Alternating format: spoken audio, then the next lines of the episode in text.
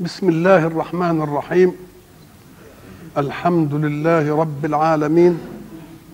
والصلاة والسلام على أشرف المرسلين وخاتم النبيين ورحمة الله للعالمين سيدنا محمد وعلى آله وصحبه أجمعين. وبعد. فقد وقفنا في اللقاء السابق عند قول الله سبحانه وأحل لكم ما وراء ذلكم أن تبتغوا بأموالكم محصنين غير مسافحين. بعد أن بين الله سبحانه ما حرم مما يوافق ما كان قبل الإسلام ومما عدل به الإسلام تعديلا ضيق أو تعديلا وسع أراد أن يبين الحق أن فيما بقي من الأشياء متسع يسعكم عما حرم الله عليكم لأن الذي حرمه محصور بالنسبة لما أحل. فقول الحق وأحل لكم ما وراء ذلكم أن تبتغوا أي تطلبوا. بأموالكم محصنين غير مسافحين. أن تبتغوا بأموالكم. المال نعلم أنه ثمرة الحركة. والحركة تقتضي التعب والمشقة. ولذلك كل إنسان يحب ثمرة عمله وقد يدافع عنها إلى أن يموت دون ماله لأن المال ما جاء إلا ثمرة جد. وقد يقال أنه يورث أو يكنى أو أو يجد كنزا أو الذي ورثك أيضا ما ورثك إلا نتيجه نتيجة كد وتعب. ونحن قلنا سابقا أن الذي يتعب مدة من الزمن تساوي عشر سنوات يعيش بعدها مرتاحا. واللي يتعب عشرين سنة يعيش ولده مرتاح. واللي يتعب ثلاثين سنة يعيش حفيده مرتاح. إذا فكل ما تراه من مال موروث كان نتيجة جد وكد مضاعف من الآباء. إذا ما قال الحق أن تبتغوا بأموالكم دل على أن ثمن البضع من جهة الرجل. أن تبتغوا بإيه؟ بأموالكم. اللي قال عنها سيدنا رسول الله من استطاع منكم الباءة فليتزوج. ومن لم يستطع فعليه بالصوم فإنه له وجاه. وما دام المال عزيز على الإنسان وأخذه من طريق الحركة وطريق الجد وطريق العرق يبقى يجب إنه ما ينفقوش إلا في إيه؟ فيما يعود عليه بالخير العاجل والخير الآجل. ما ينساش فإن هو حقق به خيرا عاجلا ثم سهى عن شر آجل يبقى ما وضعش المال في موضعه. أن تبتغوا بأموالكم؟ تبتغوا إيه؟ ما دام أحل ما وراء ذلك إيه اللي وراء ذلك؟ طب ما النساء عشان نتجوز؟ يبقى أحل لكم زواج؟ غيرها غير إيه؟ هؤلاء. غير اللي ذكرناه. أن تبتغوا بأموالكم محصنين. إحنا قلنا برضو من محصنين لها إيه؟ معاني متعددة. محصنين أي متعففين أن تلغوا في أعراض الناس بأموالكم. يعني ضع مالك الذي كسبته بكد فيما يعود عليك بالخير العاجل والإيه؟ والآجل. ولا تلغ به في أعراض الناس. من الممكن إنه برضه يجيب يبتغي بامواله إنما مش محصن مش مستعف زي ما بنشوف. نقول له لا أنت حققت خيرا إيه؟ عاجلا. ولكنك ذهلت عن شر آجل. اللي هي ربنا بيقول غير إيه؟ محصنين غير مسافحين. ومنه أخذ السفاح. أخذ السفاح. هنا يلاحظ أنه حين يتكلم الحق عن الرجال يقول إيه؟ محصنين. بكسر الصاد. ولما يجي يتكلم عن النساء يقول محصن ما قالش محسنات أم قال لك لأن العادة أن الذكورة هي الطالبة دائما للأنوثة. والأنوثة مطلوبة دا إيه؟ مطلوبة دائما. غير مسافحين. فما استمتعتم به منهن فآتوهن أجورهن. ما هو الاستمتاع؟ الاستمتاع إدراك متعة للنفس. ده المتعة تجد أو توجد أولا في الخطبة ساعة ما يخطب. استمتاع ده ولا لأ؟ وساعة ما يعقد عليه. وساعة ما تزف له مقدمات طويلة في الاستمتاع. بس مش الاستمتاع هي الإيه؟ وبعدين العملية الثانية الإيه؟ الأخيرة. بيقول لك إذا استمتعت بهن. يبقى لازم تدي لهم إيه؟ ولذلك إذا تزوج رجل امرأة ثم طلقها قبل أن يدخل بها بنقول له إيه؟ ادفع نص الإيه؟ لأن أنت خدت إيه؟ آه خدت نص المتعة. لو أن المتعة هي العملية بس كان ما ياخدش حاجة. نقول له لا ده المتعة في إنه تقدم إلى بنت فلان. وخطب. مش كده؟ وعقد. دي كلها إيه؟ مقدمات متعة. فلما يجي برضه بشيء يبقى استمتع بعض الشيء ولا لأ؟ استمتع بعض الشيء. الحق سبحانه وتعالى يريد منا أن نبني حياة الأسرة على طهر. وعلى أمن ملك ملكات. يعني إيه على أمن ملكات؟ أنت تجد الرجل حين يكون مع أهله لا يجد غضاضة في أن يوجد مع أهله ويغلق عليهما الباب إنما تصورها في محرم. شوف بقى الملكات النفسية المتصارعة فيه. شوف خائنة الأعين اللي تبدو فيه. شوف التربص شوف الرجف إذا سمع بس أي حاجة ماذا يحدث له؟ الله الملكات مش منسجمة. هو هيمتع ملكة واحدة. إنما الملكات النفسية الباقية إيه؟ ملكات مفزعة. ملكات مما يدل على أنه ليس أمر طبيعي. وما دام مش أمر طبيعي الملكات النفسية تناقضه. الحق سبحانه وتعالى يريد أن يبني الأسرة على طهر وعلى أمن. هذا الأمن النفسي يعطي لكل ملكات النفس متعة. يعطي لكل ملكات النفس متعه ولذلك إحنا ننظر كده نجد إذا كان لإنسان بنت ثم رأى شابا يمر كثيرا على البيت ويلتفت كثيرا إلى الشرفة ثم يقع بصر أبو البنت عليه. ماذا يكون موقفه؟ تهيج كل جوارحه.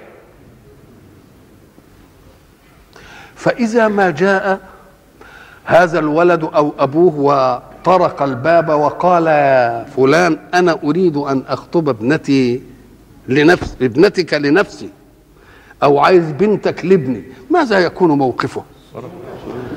السرور والانشراح والملكات الراضية والنفس المطمئنة وإعلان البهجة وهو اللي يدعي الناس ويعمل فرح ويعمل إيه الحكاية؟ قال لك آه. لأن دي إيه؟ الذي خلق الزوجين الذكر والأنثى حينما شرع الالتقاء أعطى في النفس البشرية وفي ذراتها رضا بهذا الحكم بالالتقاء. رضا. ولذلك يقول رسول الله صلى الله عليه وسلم جدع الحلال أنف الغيرة. اللي بيعمل إنه بيغير على البنت ساعة ما يجي له واحد هو اللي يروح إيه هو اللي يروح يدعي ويبقى مبسوط ويعمل له هيصة وزنبليطة ويعمل نور ويجيب طبل وبتاع يبقى جدع الحلال إيه؟ أنف الغيرة إيه؟ معنى جدع الحلال انف الغيرة كأن الغيرة فيها إيه؟ حمية إن طلب عرضي عن غير طريق من خلق الأعراض لازم النفس تهيج فإن طلبها على وفق ما شرع خالق الأعراض النفس إيه؟ تطمئن. هنا عملية قد يكون من الصعب تصورها. إيه اللي بيعمل الرضا ده؟ إيه اللي بيعمل الحمية والثورة والغضب هناك؟ وبيعمل الرضا والسكينة والاستقرار والفرح في هذه المسألة. لازم نلتفت إلى هذه المسألة.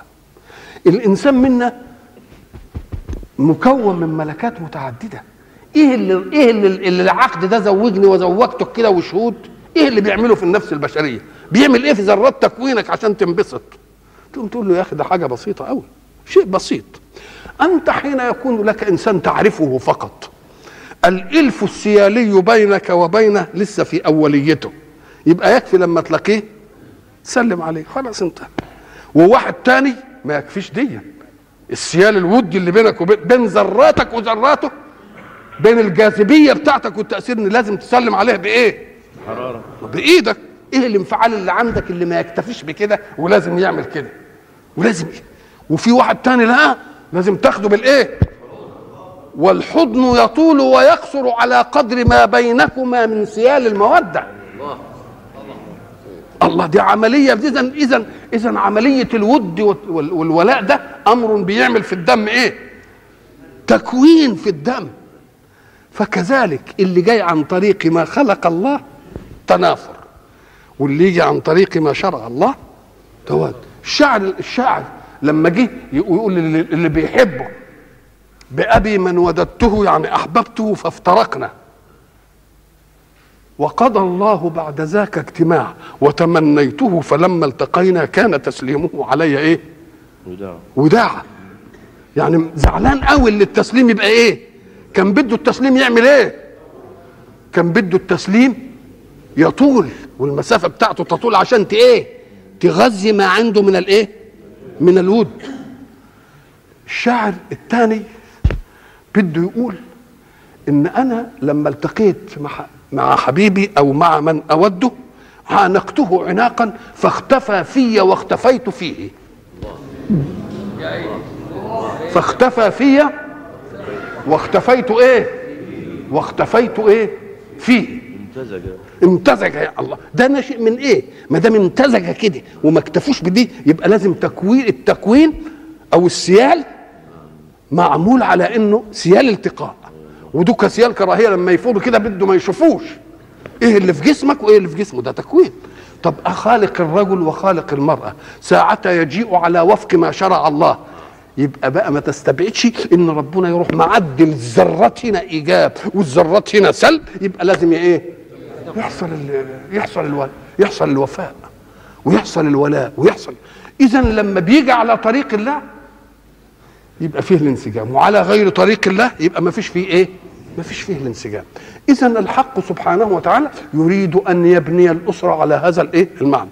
وأنتم تعلمون انك أن الالتقاءات اللي عن غير طريقة الله التقاءات. مدسوسة اللقاء. يعني لازم تبقى خفية. مش كده؟ طيب. ومنكورة الثمرة. منكورة الثمرة يعني لما لما يكون لها أثر وهتحبل كده يترمي ويبقى لقيته ويترمي في الشارع ويمكن يخنقوه يمكن يموتوه يجهضوه يعمل مش كده ولا لا؟ إنما بقى اللي بالحل إيه؟ كلها كده إيه؟ وضع فبيقول ربنا الحق سبحانه وتعالى ما أحل لكم ما وراء ذلك أن تبتغوا بأموالكم إيه؟ محصنين غير مسافحين فما استمتعتم به منهن فآتوهن أجورهن. وإحنا قلنا الاستمتاع إيه؟ اشياء كثيرة. الشيعة جم هنا في حتة فما استمتعتم به منهن وقال لك ده نكاح إيه؟ نكاح المتعة. بدليل إنه سماه أجر. نقول إيه؟ ما هو كلمة أجر دي وارده في الزواج. طب ده سيدنا شعيب لما جه سيدنا موسى قال له على أن إيه؟ تديني أجر إيه ثمانية حجج أن تأجرني إيه؟ وهيجي في الآية نفسها اللي عمالين بيقولوا عليها ديا برضه هيقول إيه؟ فأنكحوهن بإذن فأنكحوهن بإذن أهلهن وآتوهن أجورهن بالمعروف. يبقى برضه سماها كده. فأنت بتاخد دي ليه؟ بتاخد المعنى دي. يقول لك ما نكاح المتعة حصل. نقول له آه نكاح المتعة حصل. نشوف سببه إيه. إن كان قد حصل على يد المشرع يبقى له حكمة. ولكن هل انتقل المشرع إلى الرفيق الأعلى وقد أبقى الحكم؟ ولا أنهى الحكم؟ أنهى الحكم. هو أحله فترة. حينما كانوا في غزوة من الغزوات ذهب قوم إلى رسول الله صلى الله عليه وسلم. شوف بقى القوم الذين يريدون أن يبنوا حركة حياتهم على الإيمان الناصع كان من الممكن يداروا الحتة دي عن الرسول. قالوا له يا رسول الله أنا استخصي. نستخصي يعني نخصي نفسنا. معناها إيه أنا استخصي دي؟ معناها إن إحنا عندنا غبنا عن أهلنا وعندنا شبك يعني لأهلنا فال فالمسألة الجهاد ما دام طالب إننا نكون في الموقع ده بعيد عن أهلنا أيوه. نبقى نعمل إيه؟ نستخسر نخسر نفسنا يعني عشان ما يبقاش عندنا إيه؟ أربع أربع فعلم رسول الله صلى الله عليه وسلم أن القوم قد اشتاقوا إلى أهلهم ولكنهم لم يشاءوا أن يفروا من الإيه؟ من الجهاد فأباح لهم الإيه؟ المتعة ولكنه انهاها والدليل على أنه انهاها أن عمر بن الخطاب رضي الله عنه وأنتم تعلم تعلمون منزلته رضي الله عنه من التشريع في أحكام الله. يقترح الاقتراح فينزل القرآن موافقا له. يبقى فطرة سليمة ولا مش سليمة؟ يقول إن ما ما ما يجيء واحد يستمتع إلى أجل إلا رجمته. انتهت ولا ما انتهتش؟ وسيدنا علي اللي هم الشيعة عاملين إنهم بياخدوا عنه قال لولا نهي عمر ما زنى إلا شقي. يبقى أقر نهي عمر ولا ما أقروش؟ يبقى اقروا يبقى اذا قالوا ده ابن عباس قال به وقال الآخر أنني كنت قد أخطأت في إيه؟ لأنني لم اسمع لأن صحابة رسول الله صلى الله عليه وسلم لم يكن عندهم جرس. يضرب عشان الحصة لسماع الوحي عشان يجوا كلهم. اللي فاضي من شغله كان بيروح عند مين؟ عند الرسول, عند الرسول ويسمع منه. فهذا سمع وذلك لم إيه؟ ادي أدي السبب في إن ده يروي وده ما رواش. فسيدنا العباس ابن عباس قال إن أنا كنت أعرف مسألة المتعة إنما عندي ما صحش خبر منعها إلا في آخر حياتي. يبقى اذا قول الشيعة إن المتعة موجودة نقول لهم أنتوا استدلالكم إيه؟ كلمة تقول فما استمتعتم به منها فآتوهن إيه؟ أجورهن. نقول قال برضه في المهور إنها إيه؟ أجور. ليه؟ لأن فيه فرق بين الثمن وبين الأجر. الثمن للعين والأجر للمنفعة من العين. الأجر للمنفعة هو ما ملكش بمهر المرأة. إنما ملك الانتفاع بالمرأة. وما دام ملك انتفاع يبقى إيه؟ يقال له إيه؟ يقال له أجر. فما استمتعتم به منهن فآتوهن أجورهن فريضة من الله. ده اللي فرضوا ربنا. فريضة. ولا جناح عليكم فيما تراضيتم به من بعد الفريضة. فيه فرق أن يشرع الحق لحق. وأن يترك باب الفضل مفتوحا.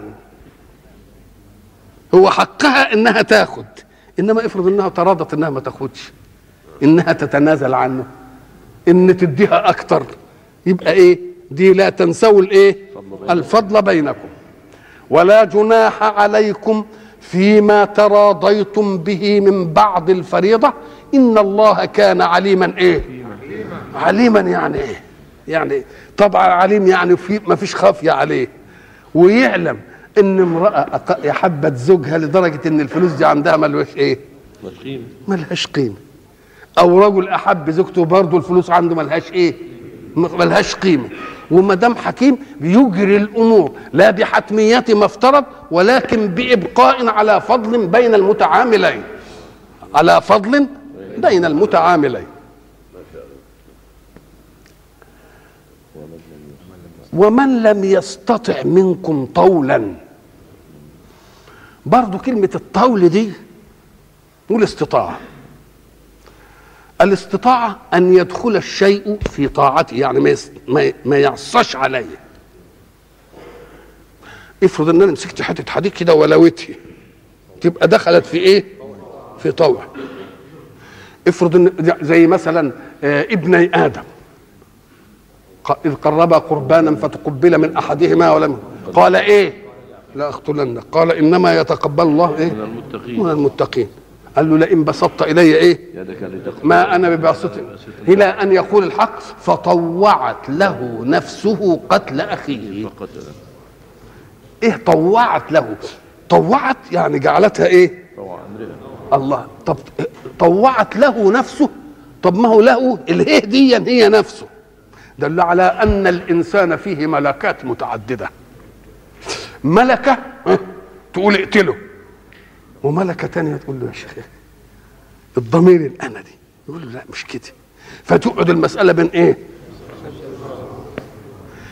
قال فطوعت له دليل على أن نفسه كانت متأبية عليه. نفسه متأبية. لكن تن وراها بالإلحاح لحد إيه؟ إن نفسه طوعت له إن يقتل إيه؟ أخوه. ومع أنها نفسه طوعت له أن يقتل أخوه أصبح بعد ذلك من الإيه؟ من النادمين. من النادمين. الله يبقى بعدين بعد ما خد شهوته كده من القتل إيه؟ ولذلك شوف بقى آه آه يا ويلتى أعجزت أن أكون مثل هذا الغراب فأواري سوءة أخي. وأصبح إيه ما انت بقى ما انت اللي مموته لكن أصبح من الندم لازم تجيب دي يبقى الإنسان فيه ملكات إيه؟ ملكات متعددة. و و و وملكات الخير دائما تصعد عمل الخير وتحبط بعمل الشر. يعني يبدأ الإنسان إيه؟ شرير. إن كان ملكاته ملكات خير غالبة يقوم ينزل من الشر العالي ده وإيه؟ يخففه.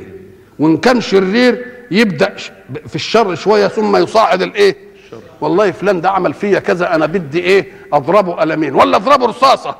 شرير. عمال إيه؟ يصعد إنما فلان ده والله كدني أنا بدي ارقعه رصاصه وأموته ولا أضربه قلمين ولا ولا وبخه ولا الله. يبقى ده خير ولا لا؟ خير. ولذلك تجد لما تيجي تعرض هذا في قضية سيدنا يوسف وإخوته لما قالوا ليوسف وأخوه أحب إلى أبينا منا ها؟ ونحن عصبة. إن اذا إيه؟ إن أبانا لفي ضلال. اقتلوا يوسف. لكن ده أسباط. ده أسباط. ده أولاد يعقوب. اقتلوا يوسف على طول. أو اطرحوه أرضا. نزل. يعني ارموه كده في أرض كده. خلاص؟ طب وأطرحوه أرضا. تبقى خففت القتل ولا لأ؟ شوف على طول في نفس واحد. اقتلوا يوسف. أو اطرحوه أرضا. طب قول لي إزاي الانتقال ده؟ طب يجي الانتقال ده إزاي؟ من القتل إلى اطرحوه ارضا. يخلو لكم وجه أبيكم وتو... طب وبعدين لما جه؟ أجمعوا أجعلوه إيه؟ في غيابة الجب قال إيه؟ لا ما تطرحوش أرض لأنه لما تطرحوه في أرض يمكن سبع ياكله ولا يتوه ولا بتاع. لا ألقوه في غيابات الجب. شوف يلتقطه بعض السيارة. الله! مسألة رحمة إيه دي؟ الله! شوف عمالة تصعد إزاي؟ عمالة إيه؟ تصعد يبقى اذا إيه؟ إحنا جبنا ليه ده يا سيدنا الشيخ؟ ومن لم يستطع يبقى يبقى دخول الشيء في إيه؟ في طوع ومن لم يستطع منكم طولا الطول من الطول. طالته يده يعني بقى في إيه؟ في استطاعته. طيب وفلان تطول علي يعني تفضل علي بشيء. وفلان تطاول علي. يعني ما كان يصح أن يجترئ فامتد علي واجترئ كلها من إيه؟ من الطول كلها ولا لا؟ طولا يعني قدرة يطول بها الزواج. ما عندوش. ما هو قال أن تبتغوا بأموالكم. يبقى لما تبتغوا بأموالكم يبقى عندك طول ولا لا؟ تطول بمالك ما تحب. طب أنت ما عندكش. ما استطعتش طول. أم قال لك في مرحلة تانية؟ آه، بلاش الحرة دي اللي بيبقى عادة مهرها إيه؟ غالي ومش عارف إيه. خد بقى من الإيه؟ من الإماء الاسيرات لأن مؤونتهم إيه؟ مؤونتهم خفيفة ولا لهاش عصبة ولا أهل يقعدوا بقى يقول لك لا إحنا مش زي مش عارف وإحنا لا آه، قيمتنا تبقى كذا وقيمتنا لا يبقى دي حاجة إيه؟ خفيفة. ومن لم يستطع منكم طولا أن ينكح المحصنات اللي نلمحه في الآية إيه؟ إن نكاح ما ملكت اليمين نكاحها لغير مالكها لأن لو مالكها ما يعوزش الحكاية دي. لو كان مالكها يبقى ملك اليمين هي مملوكة للغير وبعدين تروح تتجوزها أنت. مش صح ولا لأ؟ مش صح. يبقى هنا من لم يستطع طولا؟ يبقى كأن المفهوم إن استطعت طولا ما تنكحش الإيه؟ الإمام الامام مش معناها كده؟ هل هذا يقلل من شأن الإماء؟ لا. ليه؟ شوف بقى الحكم العالية اللي ما يعملهاش إلا رب بقى. الله يريد أن يصفي مسألة الرق. لما يجي واحد يتجوز واحدة مملوكة يعني أمة فتاة لواحد مملوكة له أولادها تتبعها في الرق. لأن في الدين تتبع خير الأبوين. وفي الحرية والرق تتبع مين؟ تتبع أمه فإذا تزوج إنسان أمة مملوكة بملك اليمين لواحد وهيتجوزها أولادها اللي يجوا يبقوا إيه؟ عبيد. لكن لما يسيبها لسيدها سيدها إن استمتع بها يبقى ما تلده يبقى إيه؟ أم ولد وما حدش. يبقى بده يصفي ولا لأ؟ يبقى بده إيه؟ يصفي. أدي واحدة. الشيء الآخر أن الزواج التقاء ذكر بأنثى ليكون نواة أسرة. الإنسان عادة من الأغيار. معنى من الأغيار ما يضمنش إن المسألة تطلع كلها إيه؟ رخاء. بيحصل إيه؟ فإذا ما كان الزوج والزوجة اكفاء يبقى الزوج لا يجد في نفسه تعاليا على الزوجة. والزوجة لا تجد في نفسها تعاليا على الزوج لأن كل واحد منهم إيه؟ كف زي الثاني يبقى دي تضمن اتزان الإيه؟ اتزان الحياة واتزان التعامل. لكن لما واحد يروح يتجوز أما ملهاش حد لا أهل ولا بتاع ولا أي حاجة يمكن يستضعفها. يمكن يستعلي عليها يمكن يذلها يمكن يعيرها. يمكن لما يجي لها أولاد يقولوا له اللي مالكش إيه خال اللي مثلا. الله تبقى مسألة إيه؟ لكن ال- الشارع يريد أن يبني حياة أسرية متوازنه ولذلك اشترط الكفاءة. ولذلك ليه قال الطيبات طيب والخبيثات للخبيثين. مش كده قال؟ هو الناس بتفهم إنك لما تشوف طيبة لازم يتجوزها واحد طيب. تقول له لا ده تشريع. يعني أنا أشرع أن الطيبات يبقوا لمين؟ والخبيثات يبقوا لمين؟ إن استمعتم تبقى المسائل مستقيمة. إنما ده تكليف. عرضة إن يعطى وعرضة. نجيب لي طيب لخبيث يقول لك يا مدام ربنا بيقول الطيبات والطيبين طب ما هو فلان متجوز فلانة ومش عارف إيه وفلان. نقول له لا هو الحكم إيه؟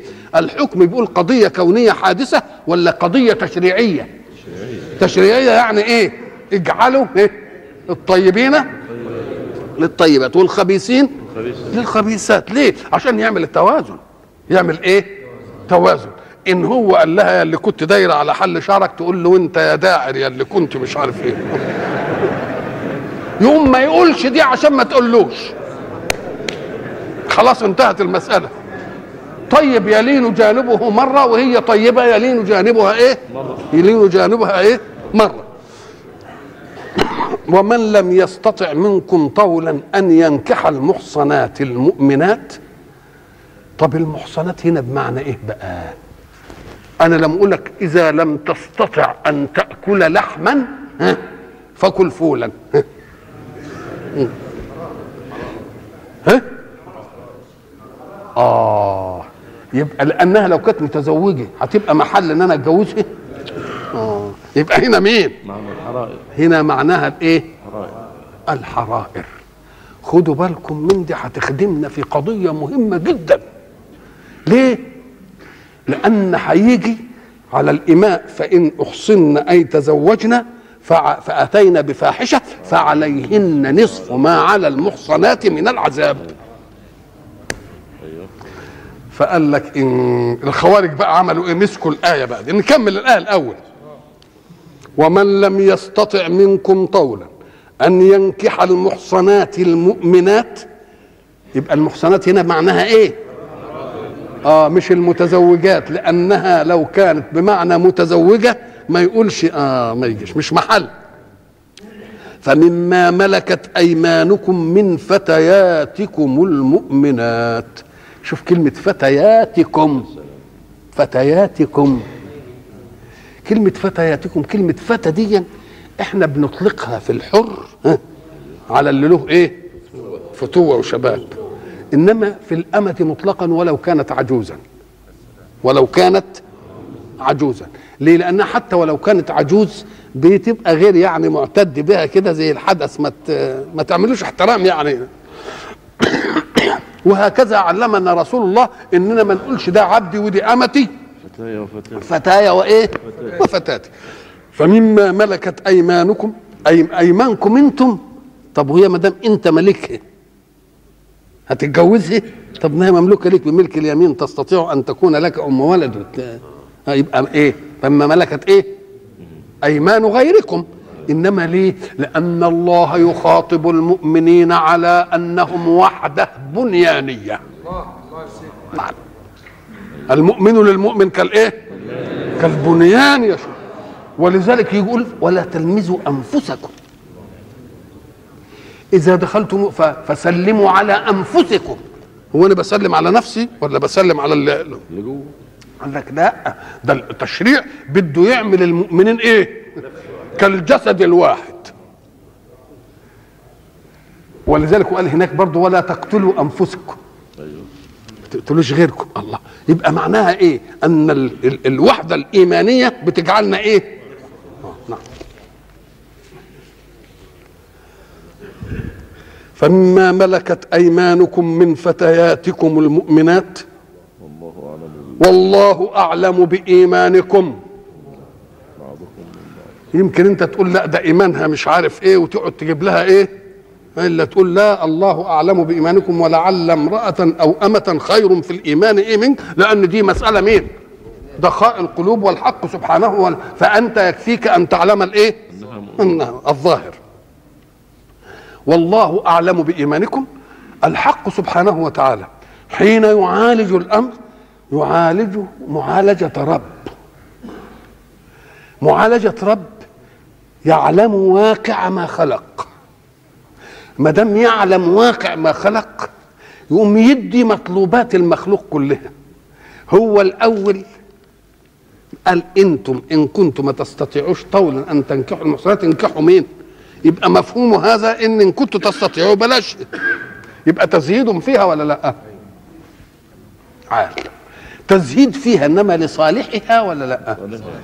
ولصالح عملية الرق جملة ولا لأ؟ أيوة. ولصالح بعدين بيقول إيه؟ الله أعلم بإيمانكم بعضكم من بعض. قال لك إن كنت بقى هتروح تتجوز يجب أن تجعل نصب عينيك امرا. أن بعضكم من بعض أي كلكم من آدم. آه. ولا مؤمنين ما دام ما دام مملكه إيمانكم مؤمنة يبقى الإيمان إيه؟ سوى بينكم ولا لأ؟ يبقى اذا إذا رحتوا عشان تتجوز لازم تضع دي إيه؟ نصب عينك مش معنى إنه زهد فيه. إنه تنه طوالي كده. لا ده بيعالج واقع. بعضكم من بعض فانك- فانكحوهن بإذن أهلهن. أيوه. يا سلام. انكحوهن بإذن أهلهن. هم أهل ولا مالكين؟ آه. دي إشعار بأن من تحت يده فتاة يجب أن يعاملها معاملة الأهل. ليعوضها عما فقدته عند اهلها هناك. لتشعر أنها في حضانة الإسلام على الأقل مثلها في حضانة أهلها وآبائها. يبقى لازم تكون كده. فانكحونا بإذن إيه اهلها يبقى اللي بيملك لازم يع- يعمل نفسه إيه؟ الأهل. ولذلك الحق سبحانه وتعالى حينما فتح أبواب لتصفية الرق وجعل له مصارف متعددة قال فإن لم يدخل واحد منكم في من يملكه في هذه المصافي يبقى يعمل إيه؟ يعني هيستبقي رقيق. لازم يأكلوا مما يأكل مش كده؟ ويلبسه مما. ولا يكلفه مالا فإن كلفه فليعن يعني إيده بإيده. طب هات لي بقى واحد كده بتلبسه من لبسك. وبتأكله من أكلك ولما بيعمل شغله وصعب عليه أنت بت إيه؟ يبقى إيه شكله ده بقى؟ يبقى دي معاملة أهل ولا لأ.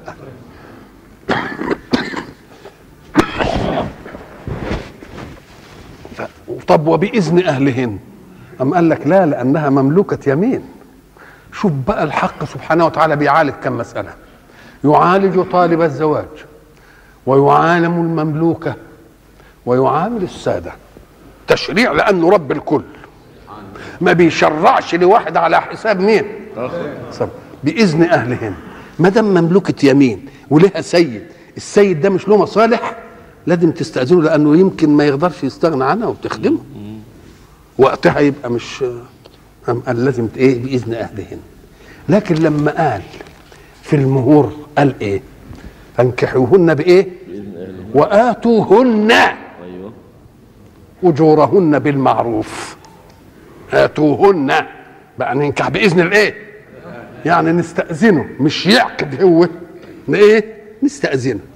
علشان يعرف أنه دخل إيه؟ شريك له في العملية. أخذ الإيه؟ البضع.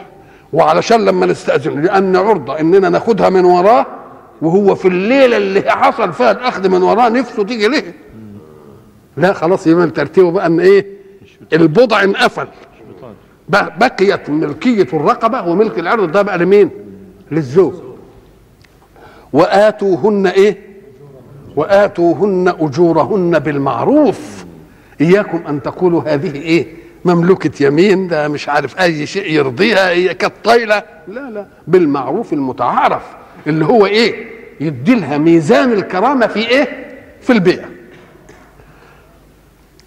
محصنات غير مسافحات ولا متخذات أخدان. إحنا قلنا بقى المحصنة اللي هي الإيه؟ ها؟ عفيفة. خلاص كده؟ غير مسافحات. إحنا قلنا المسافحة بقى اللي هي عملية الزنا اللي بنسموها البابليك ومتخذة أقدام متخصصة لواحد. متخصصة لإيه؟ لواحد. غير مسافحات ولا متخذات أخدان. فإذا احصن اللي هم مين؟ الإماء, أحصن يعني إيه هنا؟ تزوجنا. نيجي هنا بقى. فعليهن نصف ما ها؟ وأتينا فإن أتينا بفاحشة فعليهن نصف ما على المحصنات من العذاب. أيوه. الله. إذا إذا أحصن ما عليهمش حاجة إذا ما أحصنوش ما عليهمش حاجة. قال لك لأن الأمة دي عادة مبتذلة. طيب لما تتزوج خلاص بقت إيه؟ محصنة. لما تأتي بفاحشة نقوم نقول لها إيه؟ أنت فيك حاجتين اتنين. متزوجة وأتيت بإيه؟ بفاحش بفاحشة. كونك يعني أتيت بفاحشة مش هنعاقبك عقاب الحرة. ليه؟ لأن زي ما قلنا ال- هند قالت أو تزني الإيه؟ الحرة دي عملية صعبة عليها. إنما الأمام ممكن إنها مبتذلة ولا لهاش أهل غيره عليها لا أب ولا أخ ولا أسرة ولا ولا إلى آخره. فديان يعني قال لك فإن أتينا بفاحشة فعليهن نصف ما على المحصنات من العذاب. ما على المحصنات. كلمة محصنات قلنا بتطلق على إيه؟ خدوا بالكم. على الحرائر وعلى المتزوجات. الخوارج استعملوا أخذوا الكلمة في معنى من معانيها ليخدم قضية عندهم. إيه أخذوا معناها إيه؟ فإن أحصن لا المتعة انتهينا منها فإن أحصن فإن أتينا بفاحشة فعليهن نصف ما على المحصنات. قالوا المحصنات المتزوجات. نقول له يا أخي اشمعنى أنت استبديت بكلمة المحصنات وقلت المتزوجات؟ طب ما هي المحصنات إيه؟ الحرائر اشمعنى خدتها المتزوجات؟ هو يريد أن يأخذها المتزوجات عشان يقول ما دامت الأمة عليها نصف ما على المتزوجة؟ يبقى إذا المتزوجة ما عليهاش رجم. لأن الرجم لا ينصف. لأن الرجم لا ينصف. يبقى فعليهن نصف ما على المحصنات ما هو خدها بمعنى إيه؟ المتزوجات. فإن أحسن فإن أتين بفاحشة فعليهن نصف ما على المتزوجات من العذاب. يبقى المتزوجات ما عليهمش إلا ما ينصف وما ينصف هو الجلد.